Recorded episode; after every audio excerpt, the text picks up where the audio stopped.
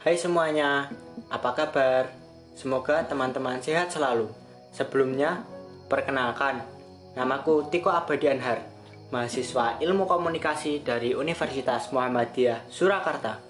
Pada podcastku kali ini, aku menjelaskan tentang manajemen media massa televisi yang telah aku review dari sebuah buku manaj manajemen media massa yang ditulis oleh dosenku yaitu Bapak Fajar Junaidi. Halo Pak Jun. Pada zaman sekarang, pasti kehidupan kita tidak asing dengan yang namanya televisi. Dalam sebuah televisi pasti ada sebuah manajemen penyiarannya. Nah, sebelum aku membahas manajemen tersebut, aku mau menjelaskan bagaimana sih sejarah sejarah kemunculan televisi. Perkembangan teknologi televisi dimulai pada sekitar tahun 1900 1923 konsep televisi sebenarnya di, telah ditemukan oleh Alexander Edmond, seorang ahli fisika asal Prancis, saat ia melakukan observasi tentang efek elektromagnetik cahaya. Kemudian di Amerika ada dua tokoh penting yang ikut dalam mengembangkan teknologi televisi, yaitu Vladimir K. Zworskin dan Philip Farnsworth.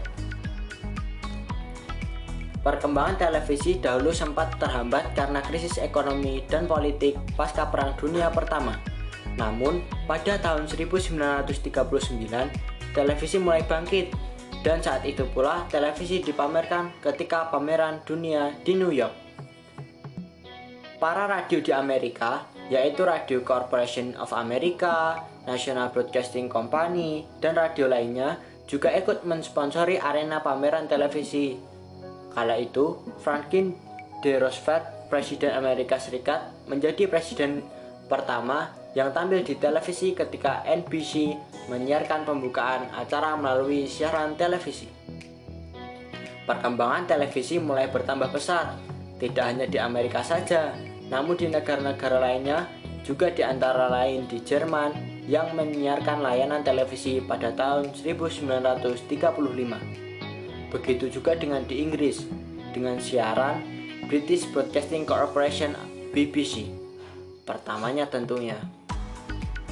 Nah, di Indonesia sendiri mengalami perkembangan televisi dimulai pada tahun 1960-an. Tentunya TVRI menjadi satu-satunya stasiun televisi yang dimiliki oleh Indonesia.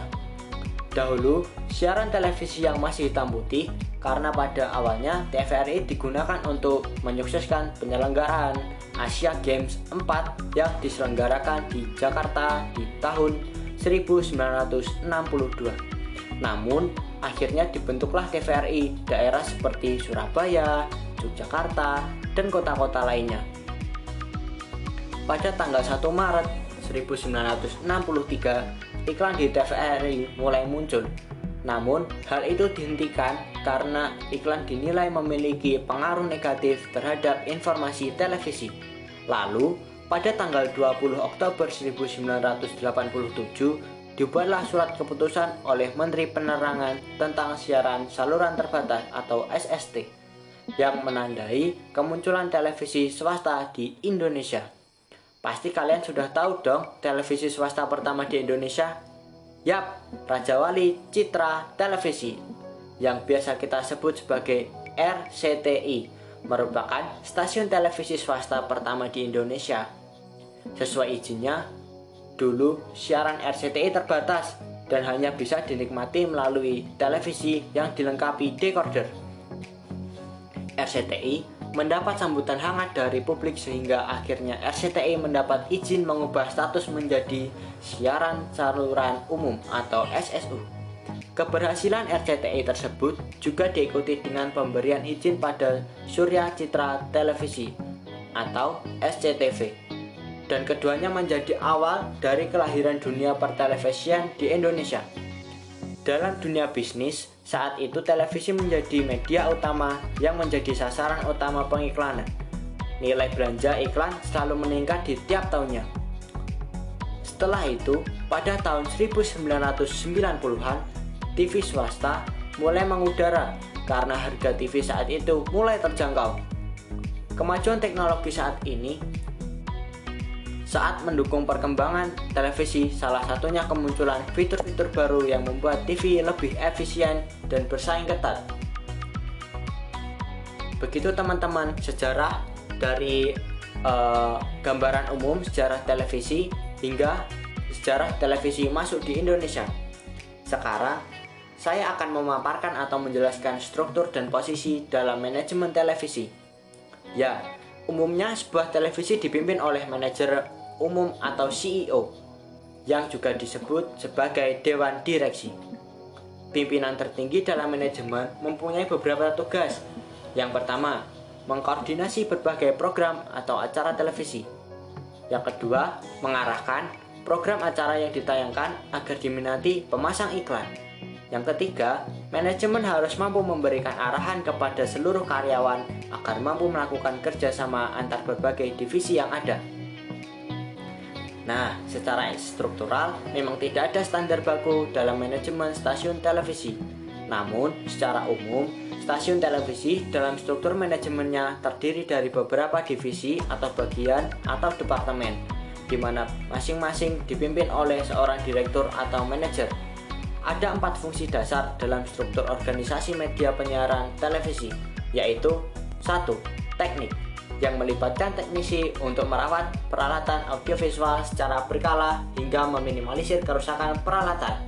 2. Program yang melakukan penataan program, siaran, atau programming biasanya berdasarkan jam tayang yang disesuaikan perilaku penonton.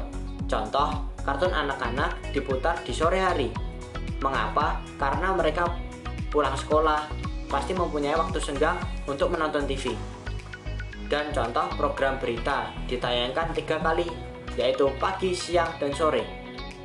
Jenis program acara ada banyak, di antaranya ada film, infotainment, talk show, sinetron, dan masih banyak lagi.